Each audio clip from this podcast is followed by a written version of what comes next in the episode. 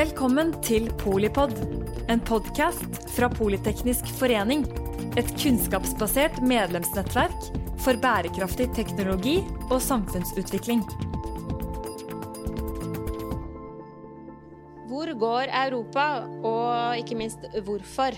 Og er det håp for eh, den eh, gylne eh, europeer, eller hvordan skal vi forstå både dagens utvikling og de lange trendene i Europas historie? I kveldens polibok, Bokbadet i Politeknisk forening, så får du i dag møte Asle Toje, som har skrevet boken 'Gullbrikkespillet', og en rekke andre bøker, selvfølgelig. Og Tarjei Skilbekk, som er ganske fersk ute med da de moderne folkepartienes fall i Europa. De skal rett og slett bade hverandre i kveldens bokbad, så jeg tenker bare å si god fornøyelse. Spesielt til dere her i salen. Det er gøy å se en ordentlig bokbadforsamling igjen. Og ikke minst til deg der hjemme eller på jobben eller når du ser dette. Vær så god, Tarjei.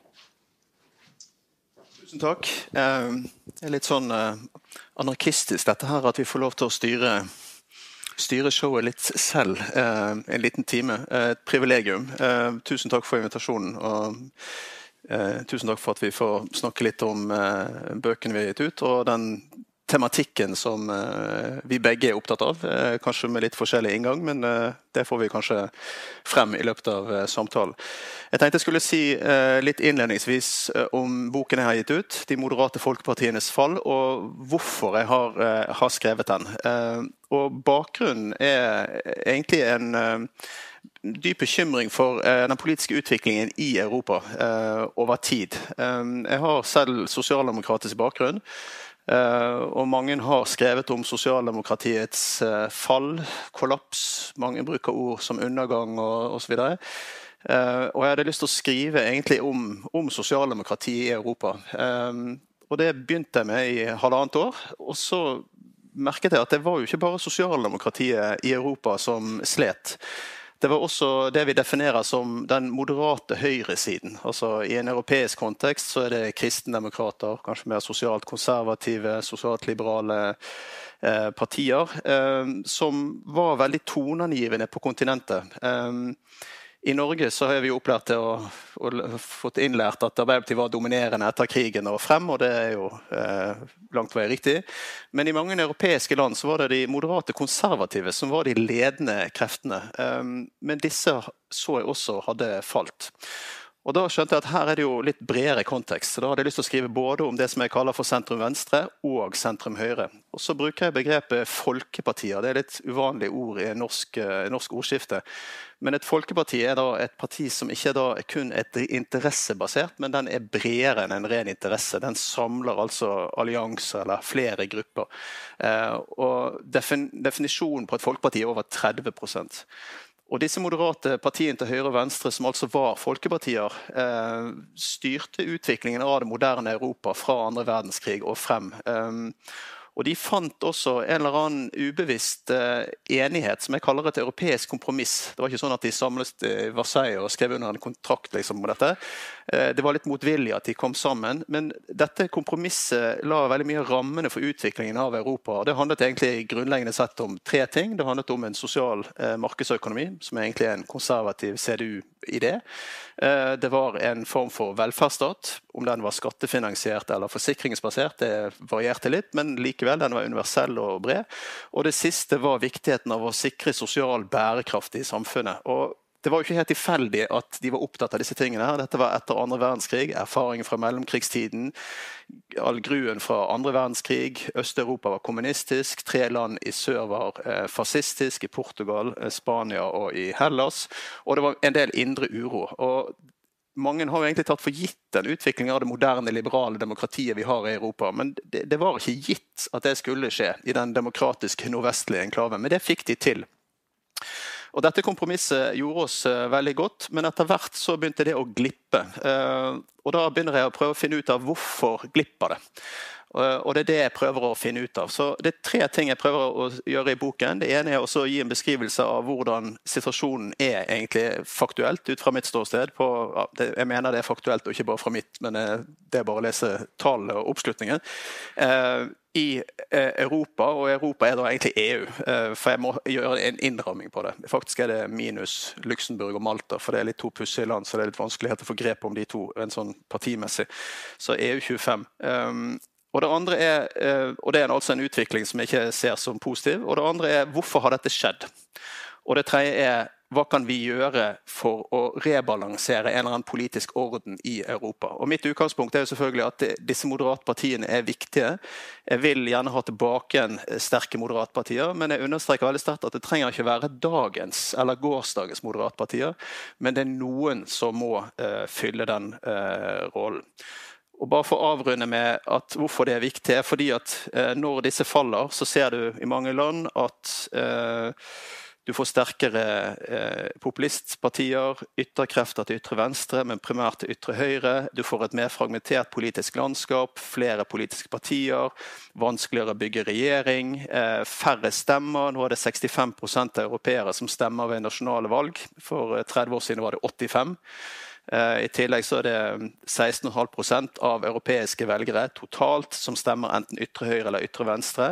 Så legger du sammen de som ikke stemmer, som er 35% med de som stemmer på ytterpartier, så er det altså over halvparten av europeiske velgere som enten ikke vil delta i demokratiske valg, eller stemmer på ytterpartier.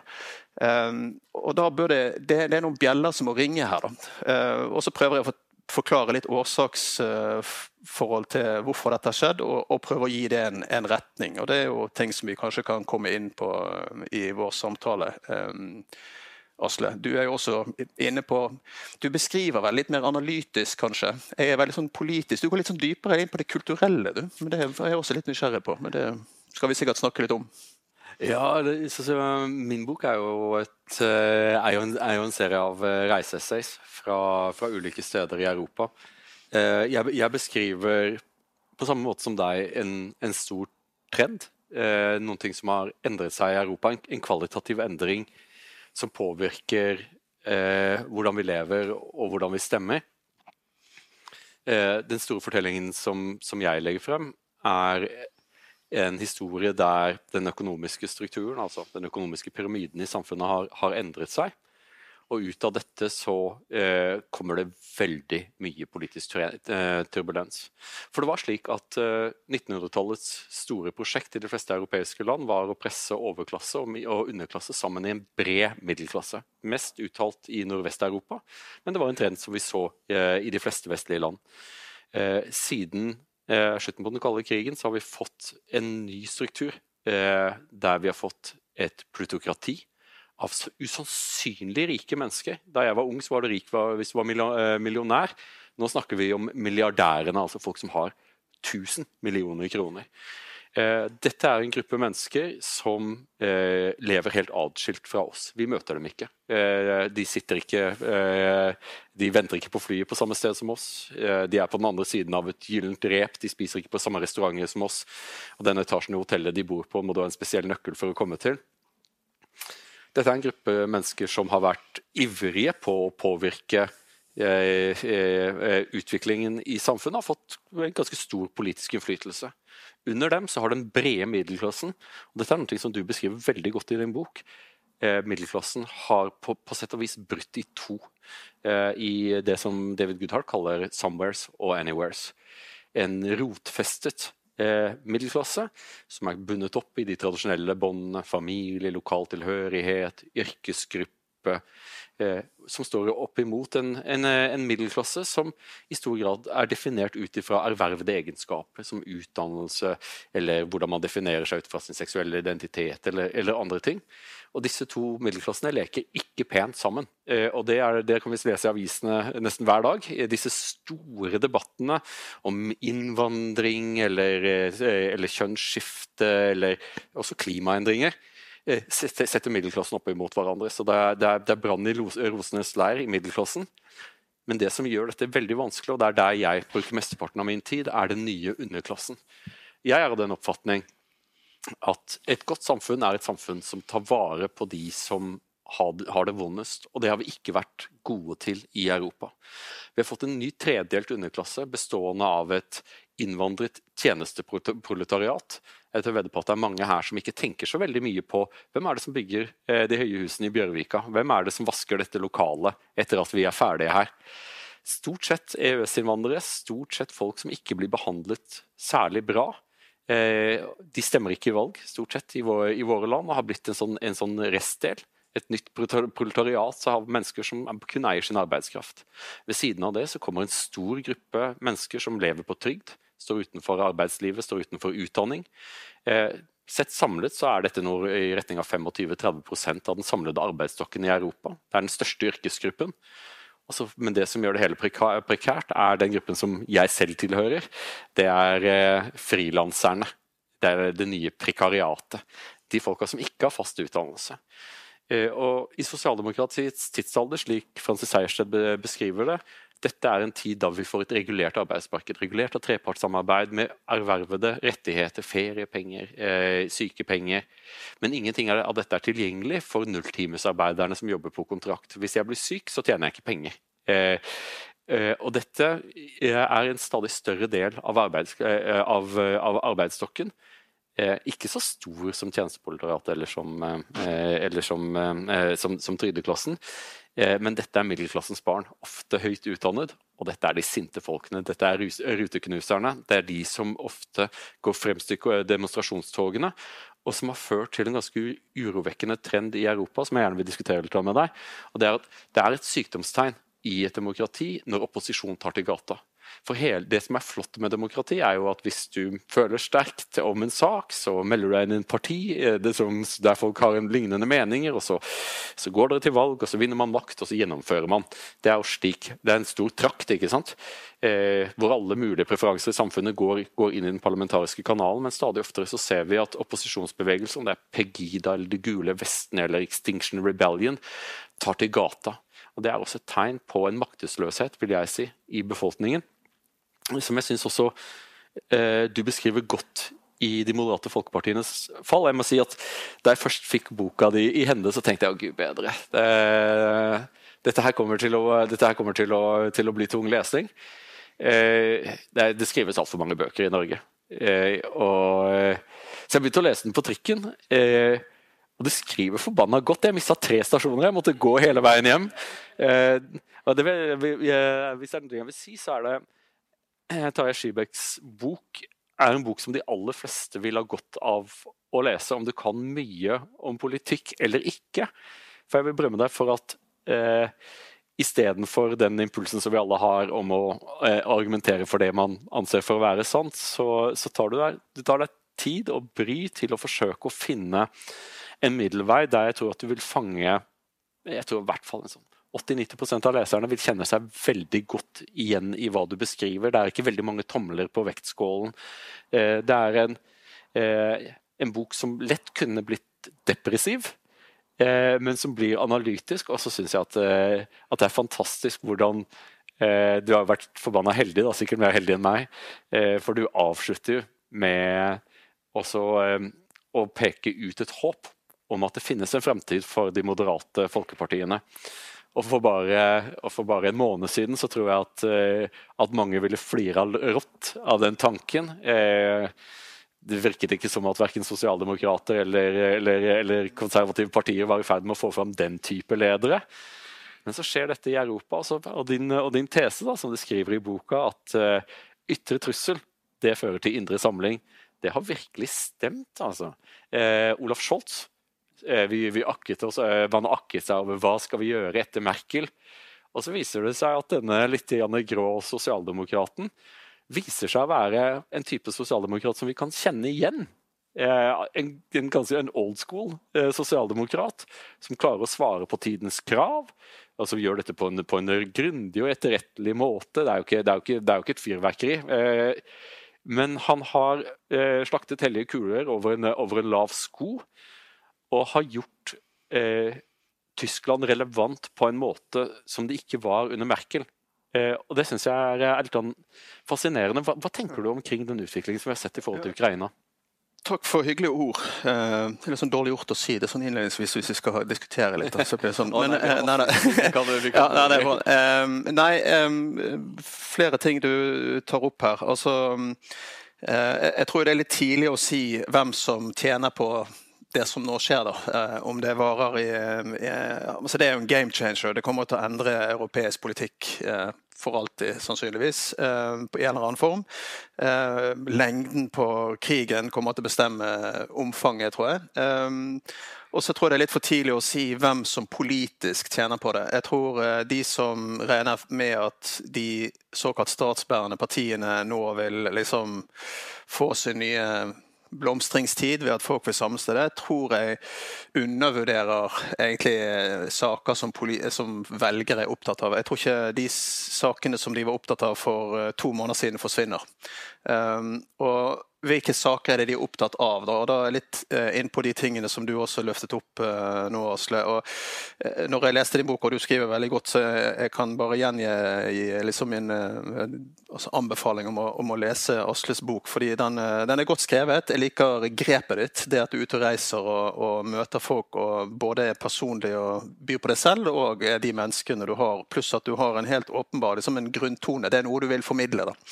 Um, så har jeg noen kommentarer til om du kunne vært enda tydeligere på det du ønsker å formidle, men det kan vi ta litt senere. Men jeg tror vi er enige når jeg leste boken. tenker at egentlig, Det er mye av analysene vi egentlig deler. Um, og Det er kanskje ikke så rart, fordi du skal ikke grave så langt ned i, liksom i bakgrunnslitteraturen for å egentlig bare finne ut at det er det er noen ting som går igjen til den velgeruroen vi ser. Eh, først så er det en erkjennelse på at det er en velgeruro.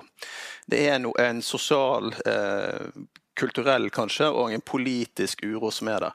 Og Så er spørsmålet hvorfor ser vi denne uroen? Og Da er det jo også det som du påpeker, og som jeg også påpeker, nemlig at når du spør velgerne hva som beveger dem, så er det globalisering som går igjen.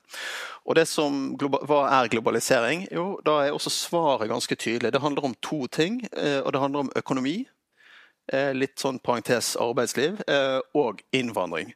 I tillegg så har du selvfølgelig teknologisk utvikling. Og så tror jeg det er et veldig viktig siste poeng som jeg gjør et eh, litt større nummer av, nemlig endringstakten for veldig mange velgere. Den, mange føler at den går veldig fort, den er veldig omfattende, og at de ikke enten klarer å henge med, eller at de ikke klarer å kjenne seg igjen.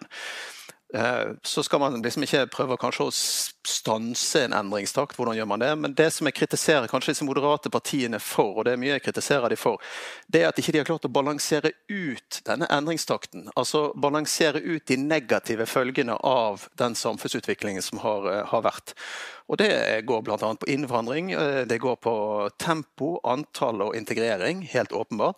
Eh, og det andre er på økonomi, hvordan, som du også beskriver, hvordan noen blir left behinds. Eh, kanskje har arbeidsledigheten gått ned også i land som Tyskland har veldig lav arbeidsledighet, men de har jo veldig mange millioner nå working poor, som man sier på godt norsk.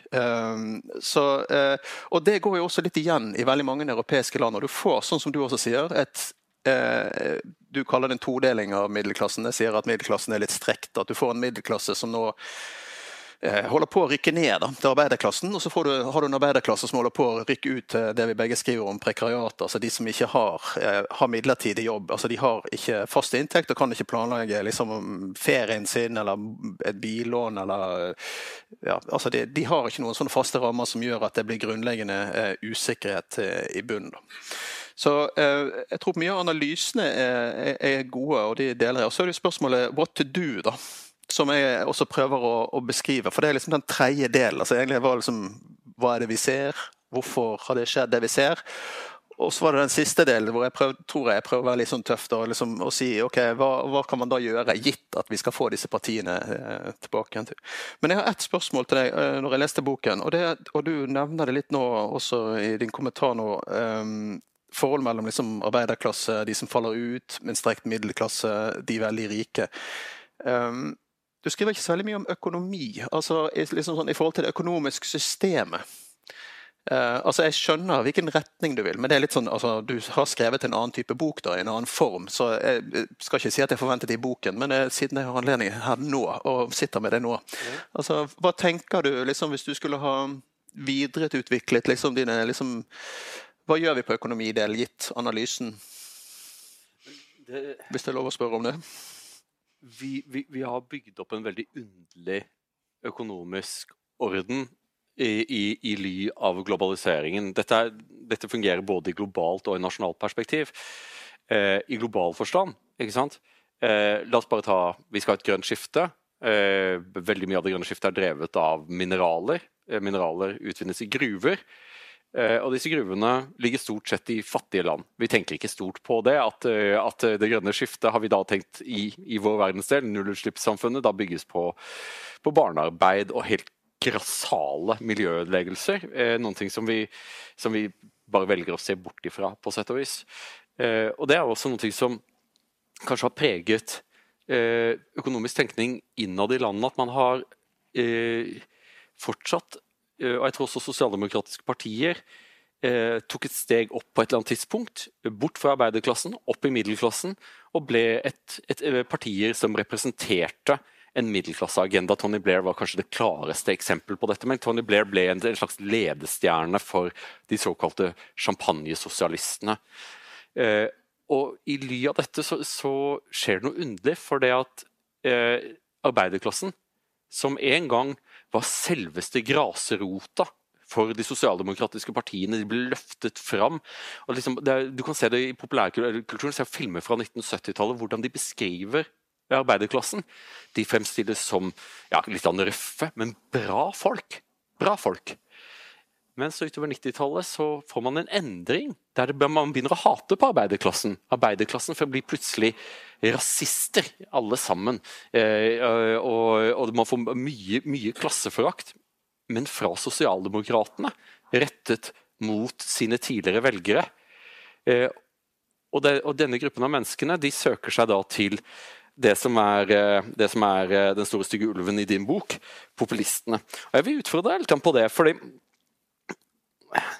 du, du, du, har et argument at, eh, som, er, som, er, som, er, et vakkert konservativt argument, om, som, som, vel er liksom de vi er de, vi er de som pleide å styre, vi bør styre for vi kan dette. Eh, både vi og Høyre.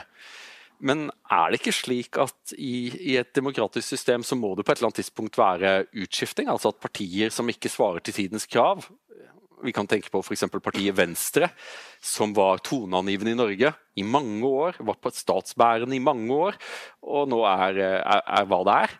Eh, er det ikke slik, er det, er, det, er det, så skremmende at noen må ut av rekka gå? Og, og, og er, er liksom jeg, jeg, tror at det står også i fare for å skape en kategori av, av populister der du ikke tar høyde for at all politikk er nasjonal.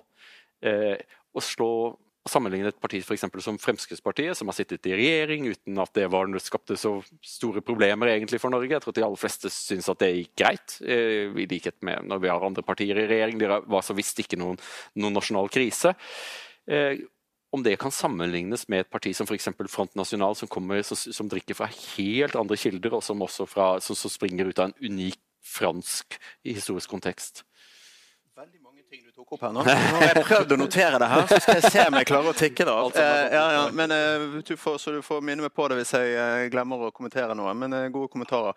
Nei, altså begynne sist. Altså, Frp er vel et høyrepopulistisk parti, ikke et høyre-radikalt parti. Og jeg har en helt annen, helt annet utgangspunkt enn mange andre altså, partier som er på ytre høyre i Europa.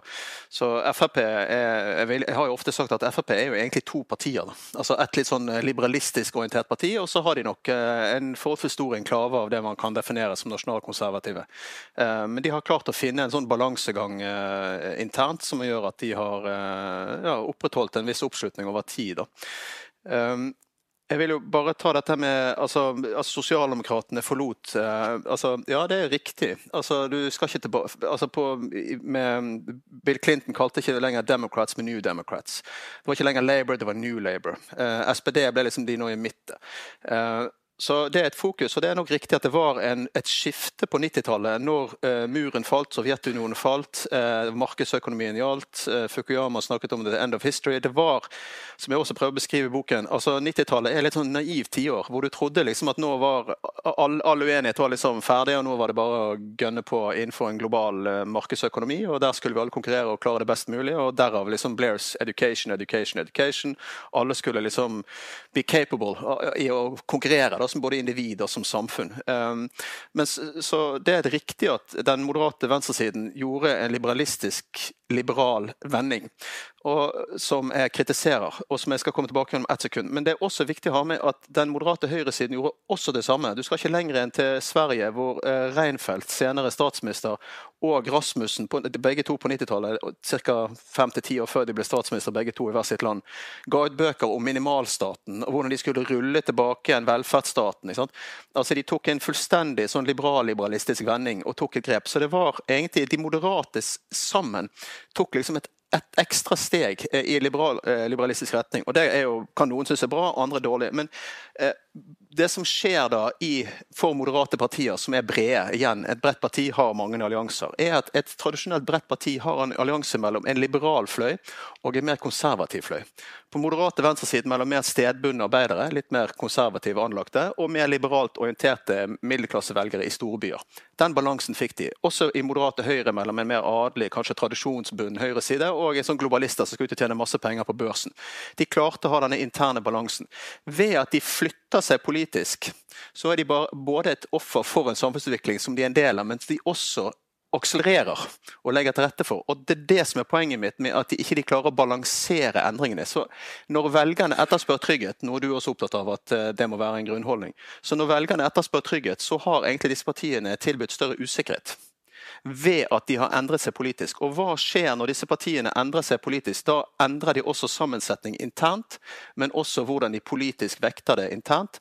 Og da utelukkes noen grupper. Og det gjør at de blir mer interessebaserte enn brede.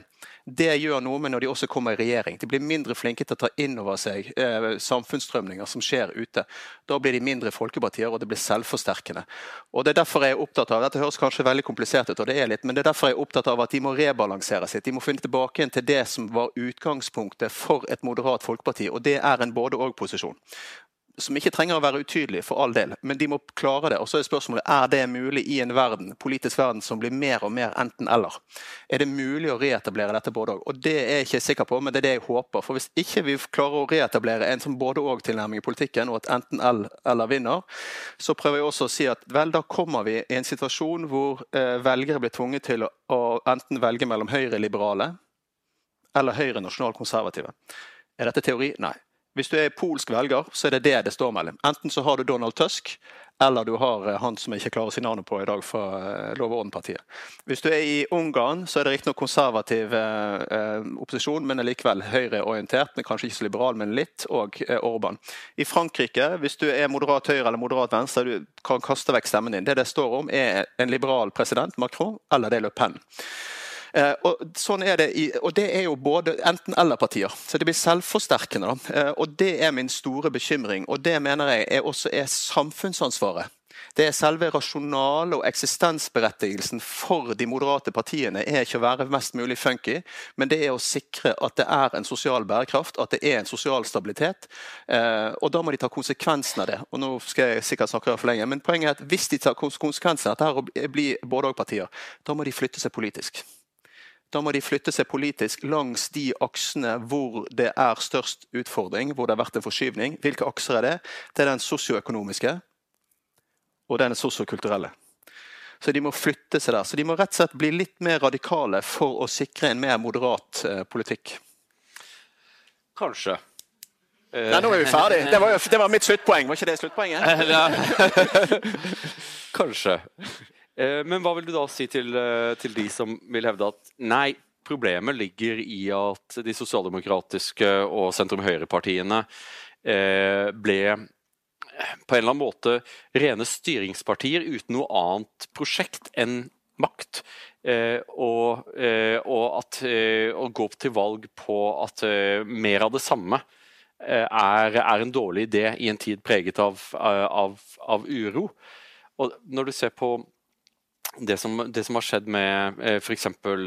de britiske sosialdemokratene, men også i noen grad med Arbeiderpartiet, er at eh, Du snakket om naive 90-tallet. Da var det jo en, sånn, en drøm om at man skulle da bare koble sammen ulike identitetsgrupper og skape en slags minoritetenes majoritet til helvete med arbeiderklassen. Eh, her skal vi ha liksom, vi skal ha transene, og vi skal ha, vi skal ha punkerne, og vi skal ha innvandringstilhengerne, og vi skal ha, vi skal ha kurderne. liksom Og så viser det seg at disse, disse, gruppene for det første ikke leker pent sammen. Ofte de, misliker de hverandre mer enn de misliker opposisjonen.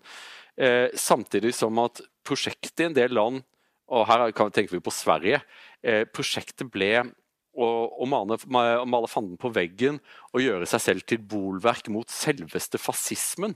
Eh, i eh, Tro det den som vil, da, som da, som da Sverigedemokraterna fikk æren av å spille, og en stund var det også Frp som fikk æren av å liksom riktig riktig utrivelige beskrivelser som, som, jeg tror nok heller ikke de som, som sa det, var, mente det helt, men det var, det var formålstjenlig for, for, en tid.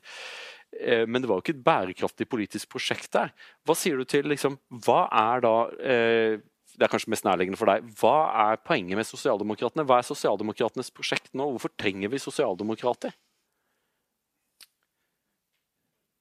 Um, det trenger ikke være de altså, alltid interessant spørsmål hva er en sosialdemokrat. Og det er jo en reformistisk bevegelse, det er ikke en isme.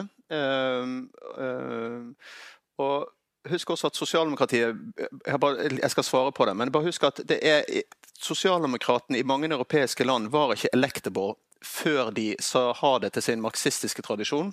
F.eks. Eh, sosialdemokrater i Tyskland ble ikke electable før de jeg tror det var i 1959 eh, på, på, landsmøtet deres, hvor de gikk vekk fra nasjonal, nasjonalisering og marxisme.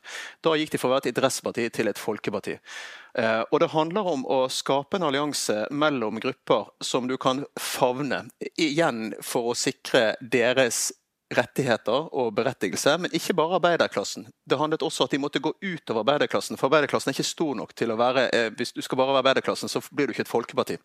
Eh, litt avhengig av hvordan du regner det, selvfølgelig. Men de måtte utvide liksom, nedslagsfeltet sitt. Eh, ja, hva som er berettigelsen for sosialdemokratiet i dag? Jeg tror det er veldig mye etterspørsel etter du nevner det selv, en, en trygghet i, i hverdagen. Eh, og trygghet i endring. Eh, og Sosialdemokratiet er kanskje ikke så veldig eh, spennende, spesielt når du er 19-20 år og politisk engasjert, men det er for de lange linjer og i forhold til å kunne målbære interesser og balansere det ut til eh, det store flertallets interesser, tror jeg det er, er muligheter for et parti på en høy oppslutning. Må det være dagens Arbeiderparti eller dagens SPD? Nei, det må det ikke være. Men det må være noen som ligger på den siden av fjøla, da, på venstresiden, og så må det være noen som er på den andre siden av fjøla, på høyresiden. Og så spør, spør du om det kan komme nye partier. Ja, det kan det godt hende.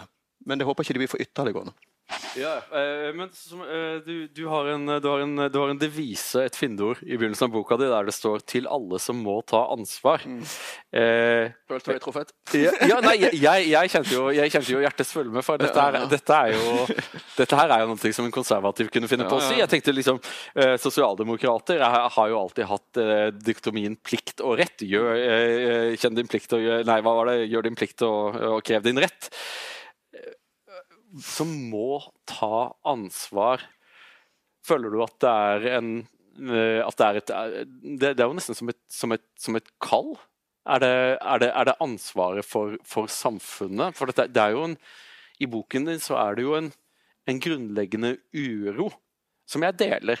Jeg, for det, det er jo det som er kult med disse to bøkene, er jo det at Eh, og derfor vi kan diskutere det, er at vi ser de samme trendene. Det er ikke sånn, Vi er ikke på ulike planeter i det hele tatt. Vi ser veldig mange av de samme problemene.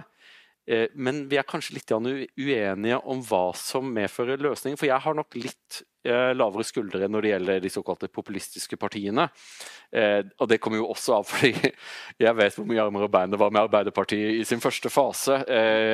Da, da, da, da det var et tidvis revolusjonært, ganske ekstremt parti på mange måter er du ikke litt altså, kjip mot, eh, mot, mot, de nye partiene og gir dem ikke nok tid til å, til å bli oppdratt av makten og, og få, få bly i kjølen?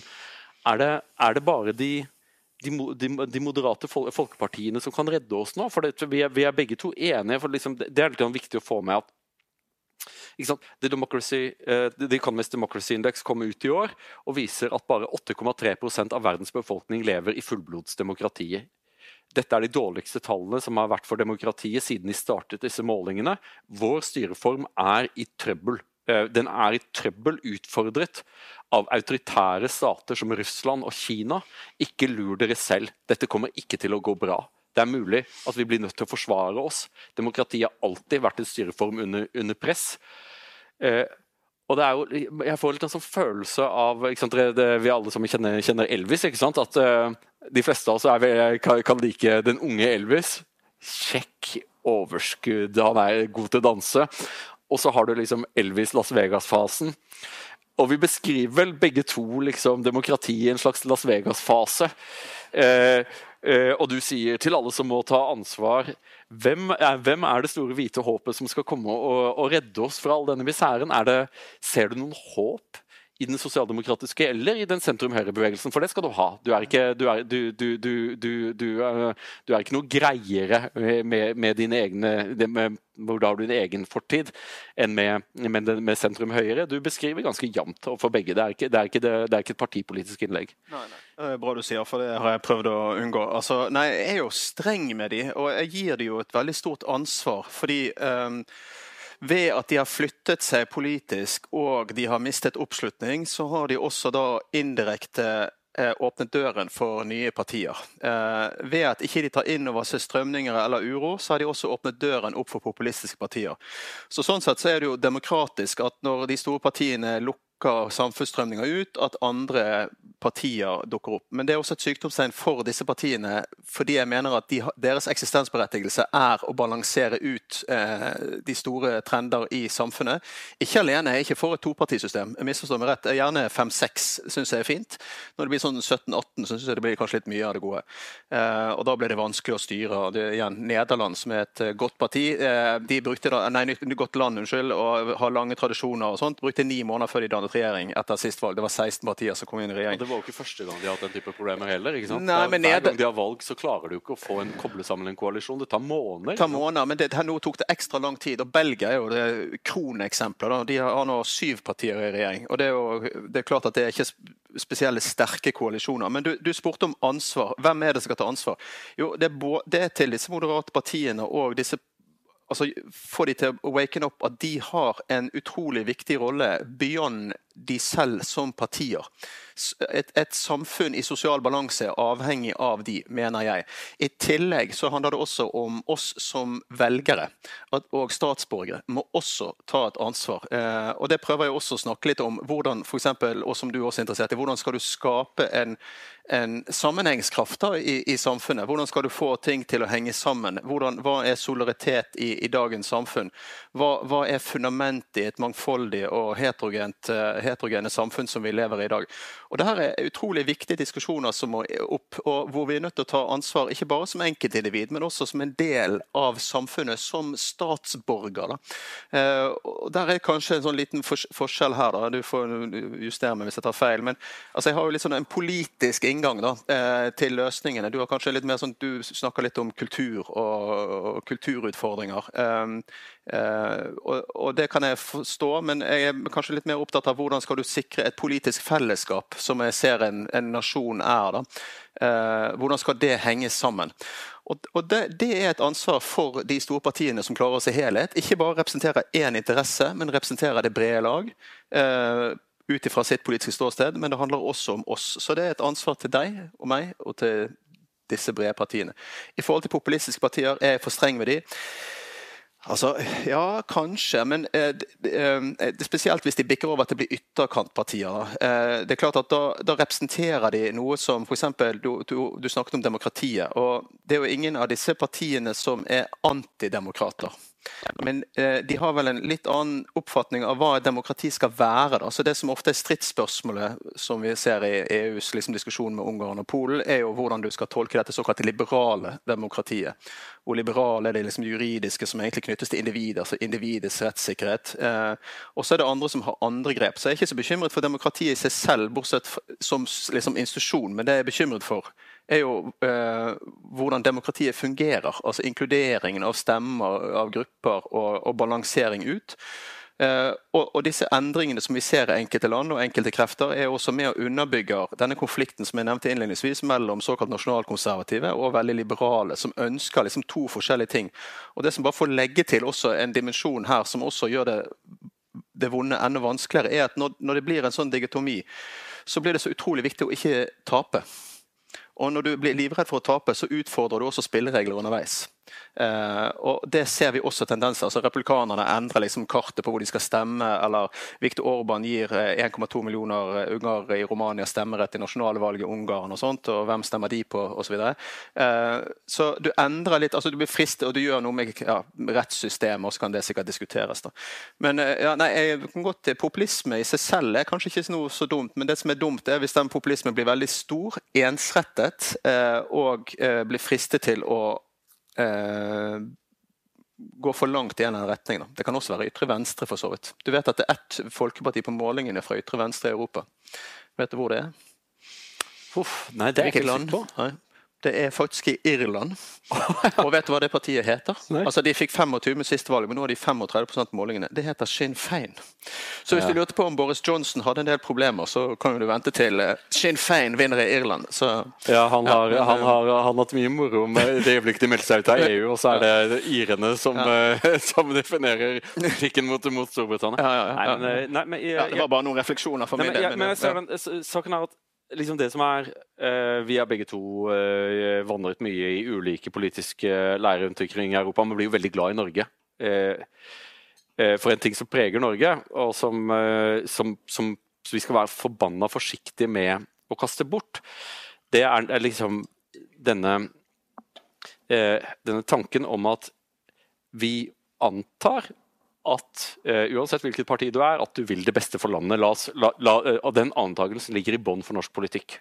Uh, og Det er veldig hyggelig å se i stortingskantina at ulike politikere fra ulike partier som du ikke ville tro, sitter sammen med det. Vi finner jo sammen over, over, over saksfelt. Så, så jeg, er, jeg, er, konservativ og diskuterer norsk utenrikspolitikk med folk fra Arbeiderpartiet, folk fra Venstre, folk fra Høyre. Hvorfor? Pga. at vi alle er norske, vi alle sammen vil det beste for, for Norge. Og vi alle sammen eh, Det er ikke så mange folk som driver med dette. Eh, det er den der greia med å stenge hverandre ute, hvor ille dette kan bli. Se på USA. Jeg blir helt sjokkert da jeg ser venner som er demokrater og republikanere, nekter å spise sammen. Det, liksom, det er kommet så langt at folk ikke orker å bli sett sammen. Det er en så dyp, et dypt, dypt skisma som jeg tror har drevet fram av veldig mange av de trendene som du beskriver. Det er dype trender, teknologiske endringer og den type ting, men det er også en brytning i politikken der man har falt for fristelsen på, for å gjøre den andre til fienden, i håp om å mobilisere sofavelgerne, få opp dampen litt. Donald Trump, hans store forse var jo at han fikk folk som ellers ikke ville stemt til å stemme. Og dette er også noen ting som eh, der jeg kanskje vil utfordre deg når det gjelder populistene, er jo at populistene ofte ikke spiser så mye av, av sosialdemokrater eller av liberalere. Det de gjør, er at de mobiliserer velgere som ellers ikke ville stemt. At de representerer velgergrupper som føler seg kanskje ofte marginalisert, og at deres interesser, deres perspektiver, blir marginalisert og latterliggjort eh, i La oss være ærlige, liksom. Der, eh, den, den, politiske spennvidden i media er ikke, er ikke, den samme som du finner i befolkningen. Og, og mange, mange opp, har vel nok opplevd i en sånn veldig mediedrevet virkelighet at, at man lukker seg inne i sin, stemme, i sin stamme. Les, les dokument.no, her er de folka som er enige med meg, og der kommer de perspektivene som jeg, jeg, jeg syns er viktig, kommer til å løftes fram i alle sine farger. Det kommer aldri til å komme i VG eller på NRK. Uh, og Det er noe som jeg tror vi må være, må være våkne for. Jeg synes det var sånn fint å se at, eh, at Arbeiderpartiet eh, tok en fot i bakken, så at innvandring var blitt et, en svært vanskelig ting. Eh, og så endret man bare politikk, og mer eller mindre copy-paste av FrPs innvandringspolitikk. Et stort problem for, for, for Frp, åpenbart. Eh, satte Frp i en posisjon der man må enten da bli gå lengre til høyre for å etablere et nytt eh, Men så viser det seg at Frp egentlig var var ikke mer ekstreme enn det. Det var det de ville ha. og så Nå er det jo muligheten for koalisjoner mellom eh, Fremskrittspartiet og på, på enkelte saksfelt mellom Arbeiderpartiet og, Fremskrittspartiet. Eh, det er hvordan man driver et, eh, et, et, et, politisk system med mange politiske partier. Problemet er jo at dette funker ikke i mange land. Du nevnte Nederland. Du, og, i, og, i, mange europeiske land så får man eh, en, enten heterogene koalisjoner eller politikk som, som, som egentlig Du velger høyeste byråkrat, ganske enkelt. Du bare noen som til å, til å drive skaperverket videre. Og det er heller ikke godt nok pga. nettopp det jeg sa. Vi er, vi er, demokratiene er utfordret av de autoritære statene. Vi trenger sterke ledere, vi trenger inspirerende ledere. Og Er ikke det en del av problemet at uh, disse moderate folkepartiene som du er så glad i, Hvorfor klarer de ikke å få fram inspirerende ledere? Er så, så, folk, som, folk, som, kan holde liksom, Tenk på Gerhardsen. Jeg satt og så på eh, Filmavisen, eh, som han jo gjør. Eh, og da Gerhardsen taler i Tøyen på Tøyenparken. Det det er så svart. Liksom, hele Oslo har kommet, og Gerhardsen holder en fantastisk tale.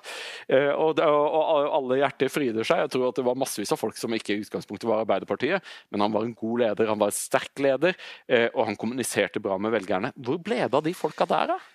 Altså, um, nå skal ikke jeg kommentere Arbeiderpartiet, eller, men um, um, altså vi, Jeg er jo usikker om Oddvar Nordli var han en sterk leder? Altså, Trygve Bratteli er vel i etterkant sett på som en sterk leder, da? Altså, med sin erfaring. Så jeg, liksom, jeg tror vi ble liksom litt fartsblinde i samtiden. i forhold til, Og så tror jeg at jeg, jeg, kanskje ville ha vektlagt eh, viktigheten av å ha sterke liksom, eh, samfunnsinstitusjoner, men ikke bare det, men også sterke uh, samfunn, altså mennesker, er, er, er, viktigere enn kanskje den enkelte leder. Da. Men at de må på en eller annen måte connecte bedre og sånt, og være åpen for det, er jo jeg for så vidt helt åpen for. Og det, det er jo det jeg også prøver å si, som jeg også sa tidligere, at de må justere politikken sin. Hvorfor må de justere politikken sin? Jo, fordi at velgerne er rett og slett et annet sted. Eh, og Partiene har flyttet seg fra velgerne og den virkeligheten de er. Bare en sånn liten anekdote jf. Eh, eh, litt sånn Hvor er de sterke liksom, kommunikatørene? Um, jeg har drevet litt med kommunikasjon i mitt tidligere liv. og Da eh, brukte vi et eksempel på en som heter Martin Tranmæl, som kanskje noen i forsamlingen husker. Men han var da en, en veldig sterk agitator i arbeiderbevegelsen for en del år siden. Og Han pleide å komme til Folkets hus. og Det var jo før internett og TV, og knapt var det radio. Men når han kom til Folkets hus, så er, sier Sogan at han kom en time, halvannen før. Og Det gjorde jo også de som skulle høre på ham, for det var alltid fullt hus når Martin Tranmæl kom til bygden. Eh, og Grunnen til at han kom før, var at han gikk gjennom lokalet så hilste han på alle. Og spurte hvordan det gikk og hva de var opptatt av. og sånt. Så når han hadde gått gjennom hele lokalet, så hadde han sikkert hilst på x antall mennesker. mange. Så når han kom opp på talerstolen, så hadde han med seg eh, innlegget sitt, og det holdt han. Men han krydret med det han hadde hørt på veien opp. Så han koblet til det folk var opptatt av. Eh, og Det er en sånn lydhørhet som et, eh, man av og til kan savne med spesielt den med venstresiden. Kan jeg få til å hoppe inn med en ja. konkurrerende anekdote? Ja, det er en god anekdote. Også, eh, jeg, var, jeg, var, jeg, var, oppe i Tromsø, jeg var oppe i Tromsø og, og, og satt, satt, og pratet med en, med en gammel band som er sosialdemokrat på sin hals. Og da hadde eh, Jonas Gahr Støre, Arbeiderpartiets leder, vært der oppe, og så sier han Nå var det tilgi dialekten sånn Jeg forsto ingenting! Så gikk han ned i fjøra, og så tok han opp notarer tar og stappet i kjeften. Så sier han det smaker trøffel. Det er vel faen ingen i Nord-Norge som noen gang vet hvordan trøffel smaker. Hadde han, hadde han med seg en PR-rådgiver? Jeg tror han var spanjol. Ikke sant? Du ser at det er uh, uh, ja, så, så, det, det skal, det, liksom, eh, Jonas Gahr Støre er min statsminister. Han er all, vår alle statsminister. Jeg, ikke, er, jeg forsøker ikke å undergrave Jonas Gahr Støre. Men Veldig glad i Jonas, det må jeg bare få understreke. Ja, men, jeg, men, men jeg, vil, jeg, vil, også si at det, er et det er et ganske stort spenn mellom disse to arbeiderpartistene. Jo, det er åpenbart, men der er det igjen altså, jeg, jeg, tror altså, Nå er jeg litt på folk personlig igjen. Jeg tror det igjen er et innhold altså, Grunnen til at de moderate partiene ikke klarer å ha et grep, handler om politisk innhold. Det er jeg ganske sikker på. Eh, og Så kan de gjerne krydre det med noen mennesker her og der. Men altså, Du nevnte Olav Scholz i ditt innlednings, uh, innledningskommentar. Altså, Han var jo ikke akkurat noen superstjerne. Han hadde det på 17 i juni, og så fikk han riktignok uh, 26 et par måneder senere. Men det var jo ikke fordi liksom, det var fordi at andre kollapset veldig mye. da, er min forklaring. Um, så han, han, er også kanskje ikke, ikke en som drar eh, veldig mange stemmer. Men jeg tror det er, det er, det politiske innholdet som til syvende og sist eh, gjelder. Uh, og jeg mener at det politiske innholdet til de moderate Du etterlyste liksom hvis de har forlatt for mye, kanskje nye skal komme opp. Ja, altså Det er åpenbart at deres politiske tilslag ikke er bra nok, gitt at deres oppslutning går ned og at andre partier kommer opp. Og Hvis deres rolle er å være store og favne, så må de gjøre noe med innholdet. Og det er det som er mitt fokus. Så har jeg ett spørsmål, ja. hvis er for lov. For Du sa at du var konservativ. Uh, uh, men i boken din så snakker du Du, du bruker ruin Mm. Som, et, som, en eksempel. Du går, reiser egentlig rundt og ser på ruiner. Eh, ja. Menn som ser på ruiner? Ja, i forskjellige valører. Og du, du liksom opplever, som du skriver, et Europa som har mistet livsgnisten, eller som er fortapt, tror du over til. Eller i hvert fall en gang sier. Eh, men at på ruiner så kan det vokse opp noe nytt. Eh, jeg fornemmer et litt sånn brudd jeg bare kom på det nå når Du sa for konservativ, jeg er også, du sa at det er litt konservativt tilslag i min bok, og det er mm. nok riktig. for Jeg er jo sosialdemokrater, og sosialdemokrater er jo ikke revolusjonære. Vi er jo reformister. Vi tror jo på litt sånn gradvis endring. Det skal ikke, ting skal gå eh, ordentlig for, sånn stegvis. Men det er jo også konservative. Mm. Uh, men du har en litt sånn brudd uh, Altså Du ser for deg her er en ruin, noe nytt kan komme. Det er et brudd. Mm. Er du da, altså hvordan passer det inn i en sånn konservativ um, til, politisk tilnærming. Ja, men, da, ja. men, du, men du, du, beskriver det, det konservative paradokset. For hvordan kan du være konservativ i 2020 etter etter 70 år med sosialdemokrati, og så har liberalerne eh, tatt over og dominert fullstendig. Hva er det som skal eh, konserveres? Og så er enkelte som da mener Det har mange konservative i Europa, da. Ja, ja, ja, men så er det, så, så er det den der liksom at eh, Skal vi tilbake til eh, Når var det syndefallet skjedde? Var det, var det, med, var det med annen verdenskrig, eller var det med Mange mener jo at var, alltid, livet var langt bedre før den franske revolusjonen. eh, mens det som har gitt konservatismen nytt liv, er jo da disse populistene som du misliker så intenst. Eh, og jeg er vel av det disponert til å mene at populisme eh, er populær politikk som man selv ikke bekjenner seg til. Og, det at, eh, og at det, er nok en, det er nok også et aspekt med en sånn viss misunnelse over å se at de såkalt populistiske lederne på en eller annen måte connecter med folket på, en, på et umiddelbart nivå som, eh, der, hvor da de, de, de, de, etablerte folkepartiene sier oi, oi, oi, dette her er veldig farlig.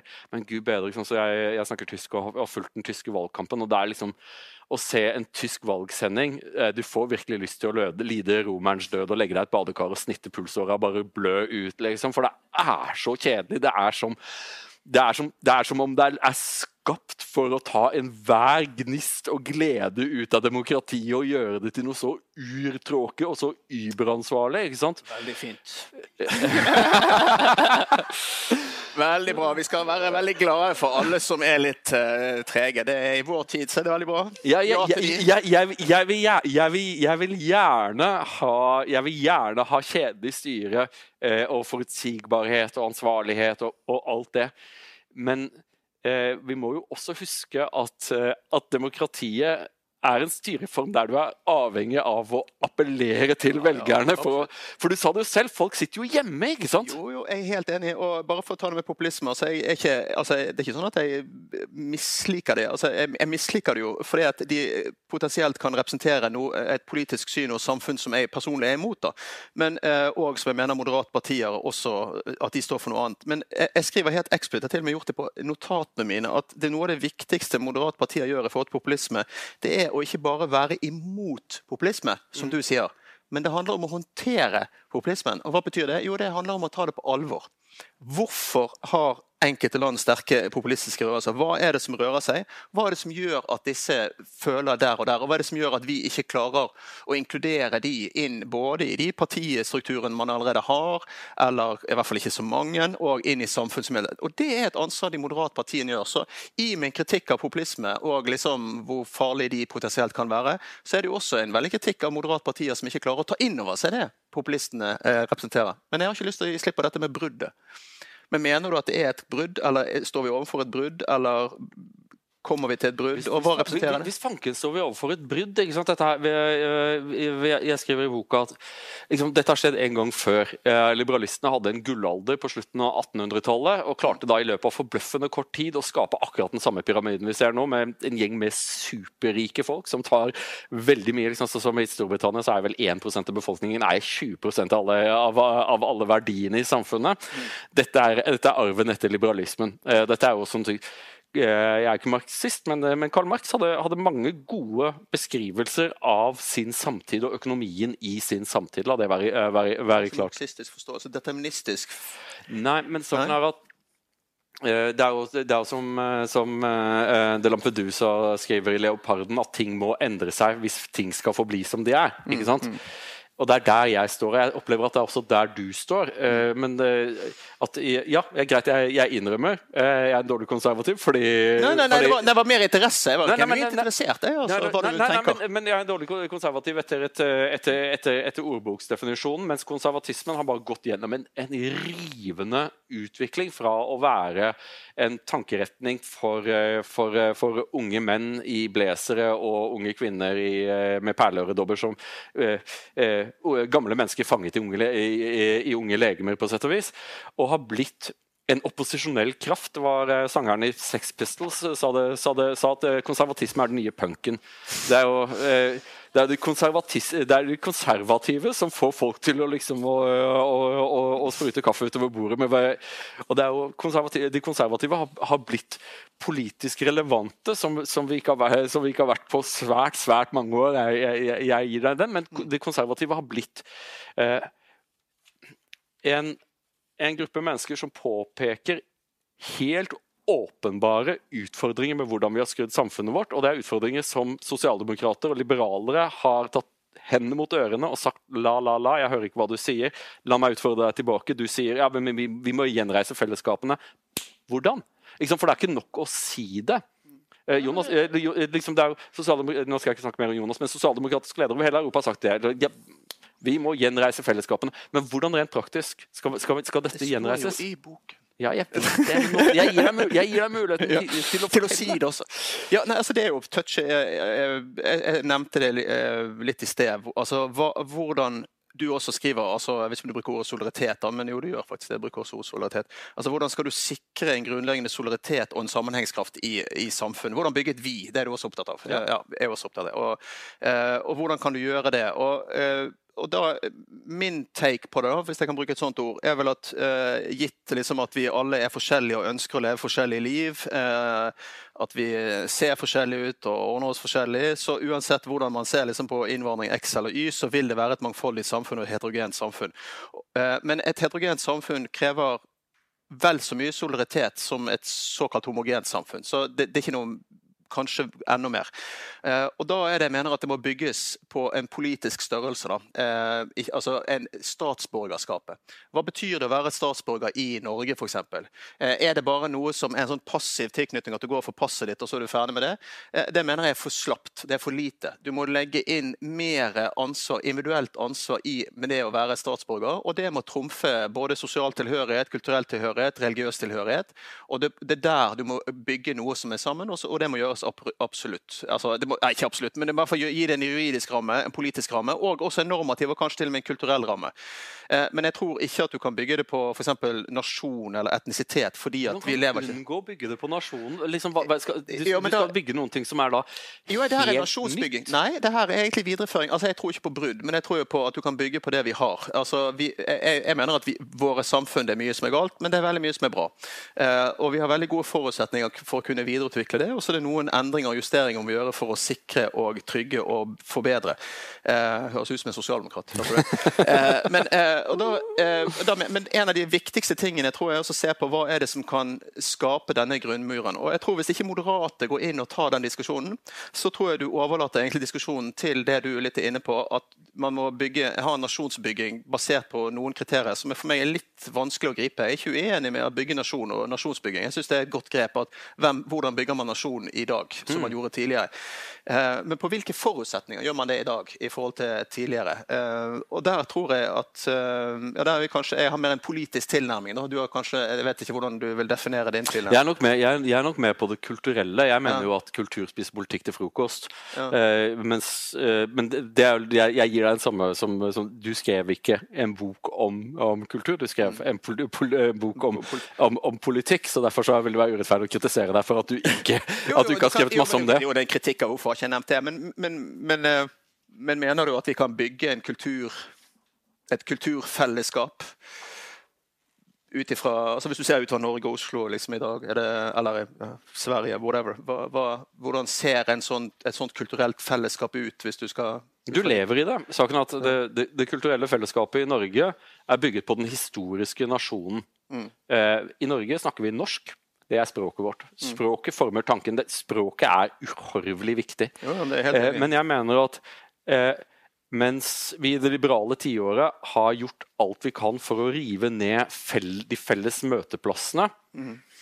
De må gjenreises. Og jeg, jeg, jeg, mener, jeg mener, at vi må, vi må, gjeninnføre verneplikten. Det bør vi gjøre. Ikke, ikke militær forstand. det er ikke slik at alle sammen skal bære våpen.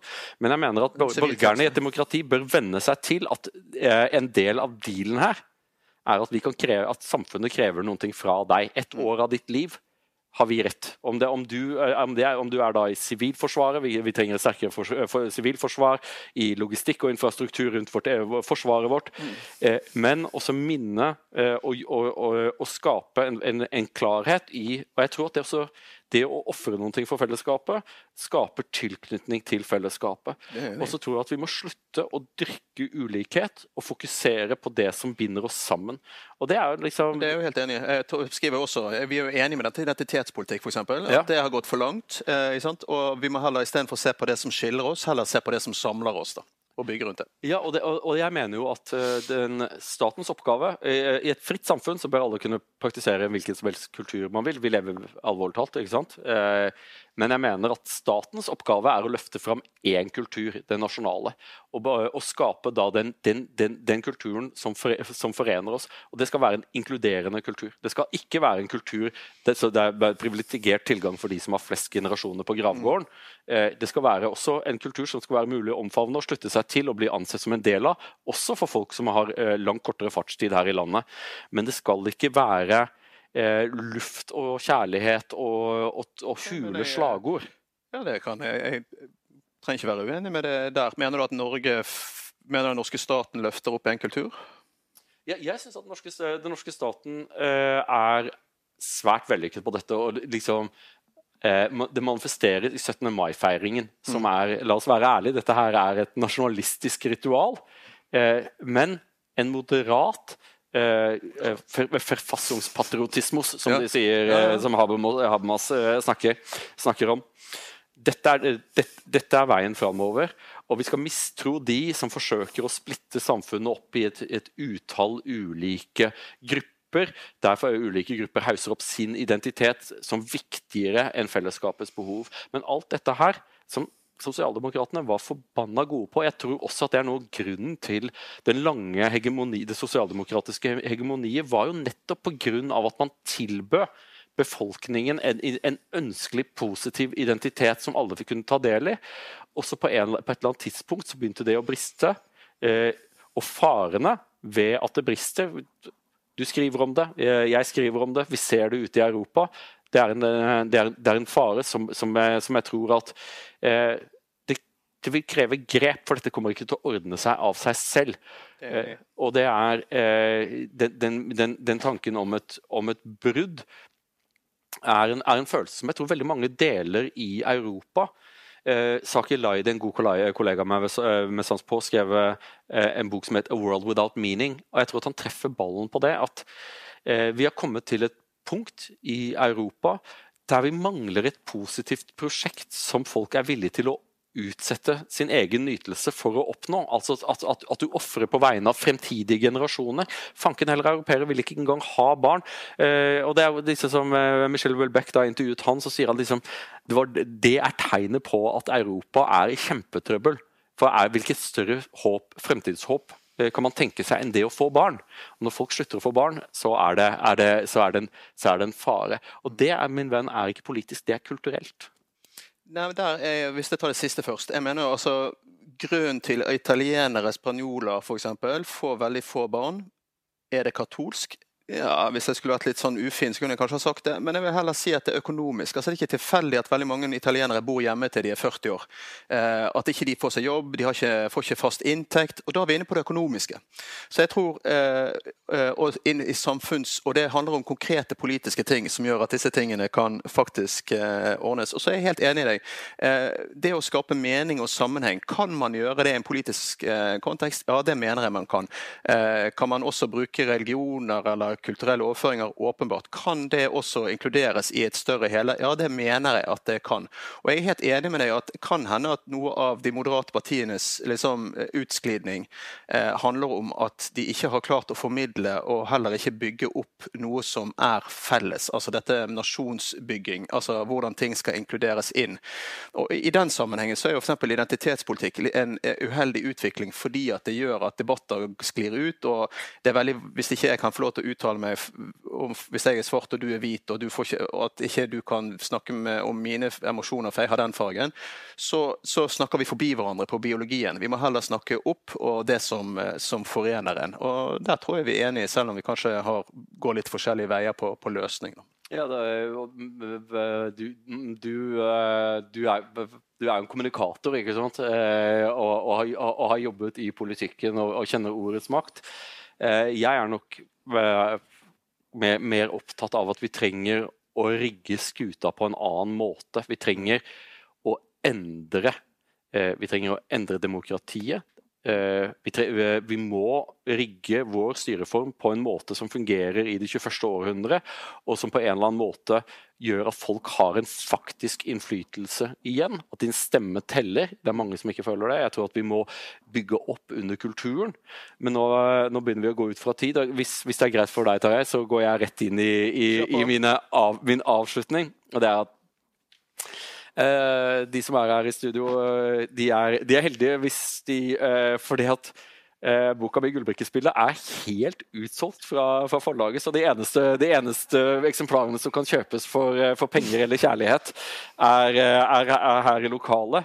Eh, men paperbacken kommer eh, om tre ukers tid, hvis, hvis noen skulle, skulle ønske å, å, kjøpe den. Og så vil jeg, vil jeg, gjerne avslutte med å si noen pene ord om din bok. Jeg har sagt mye pent om boka, men det er hjertefølt. Det er ikke så ofte jeg leser norske bøker som er bedre enn noen ting du kan få på engelsk.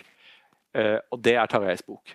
Uh, det er mange bøker skrevet på dette emnet. Jeg har lest veldig mange av dem. Uh, det du se, som, du, som du ser rester av i min bok. og jeg må si at det er sjelden at, at, jeg, at, jeg, blir sittende oppe til klokka to på natta bare fordi det er god lesning. og det er, det er tøff materie. Men eh, du skriver med eh, du skriver godt, og du skriver med overskudd.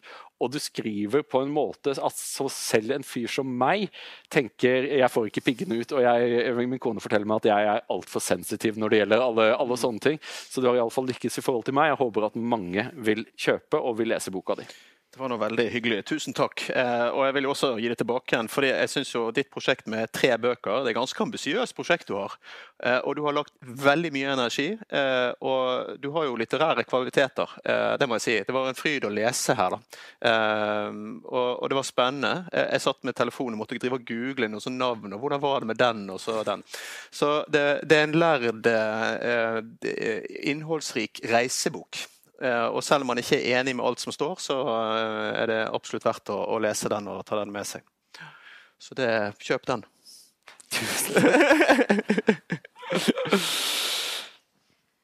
Om noe så skjønner i hvert fall alle at det, det ikke var behov for en ekstra bademester eh, til eh, et fascinerende jeg vil si, engasjement fra to karer som eh, kanskje har skapt felles grobunn for en, et positivt prosjekt for, om ikke hele Europa, så i hvert fall Lille Politeknisk forening, nemlig det representative demokratiet. Tusen takk til uh, Tarjei Skirbekk med boken uh, 'De moderate folkepartienes fall i Europa'. Tusen takk til uh, Asle Toje med boken 'Gullbrikkspillet' og, og, serien, triologien der. Tusen takk til deg som ser på. Uansett så kommer vi til å følge opp med hva som skjer i Europa. Og, og vi har egentlig tatt til oss mottoet at eh, kunnskap og vennskap vil være nødvendig for, eh, for fred i, i vår verdensdel også. Takk. Takk for at du lyttet til Polipod fra Politeknisk forening. Få med deg flere episoder, eller bli med på nettverksmøtene som du finner på at polyteknisk.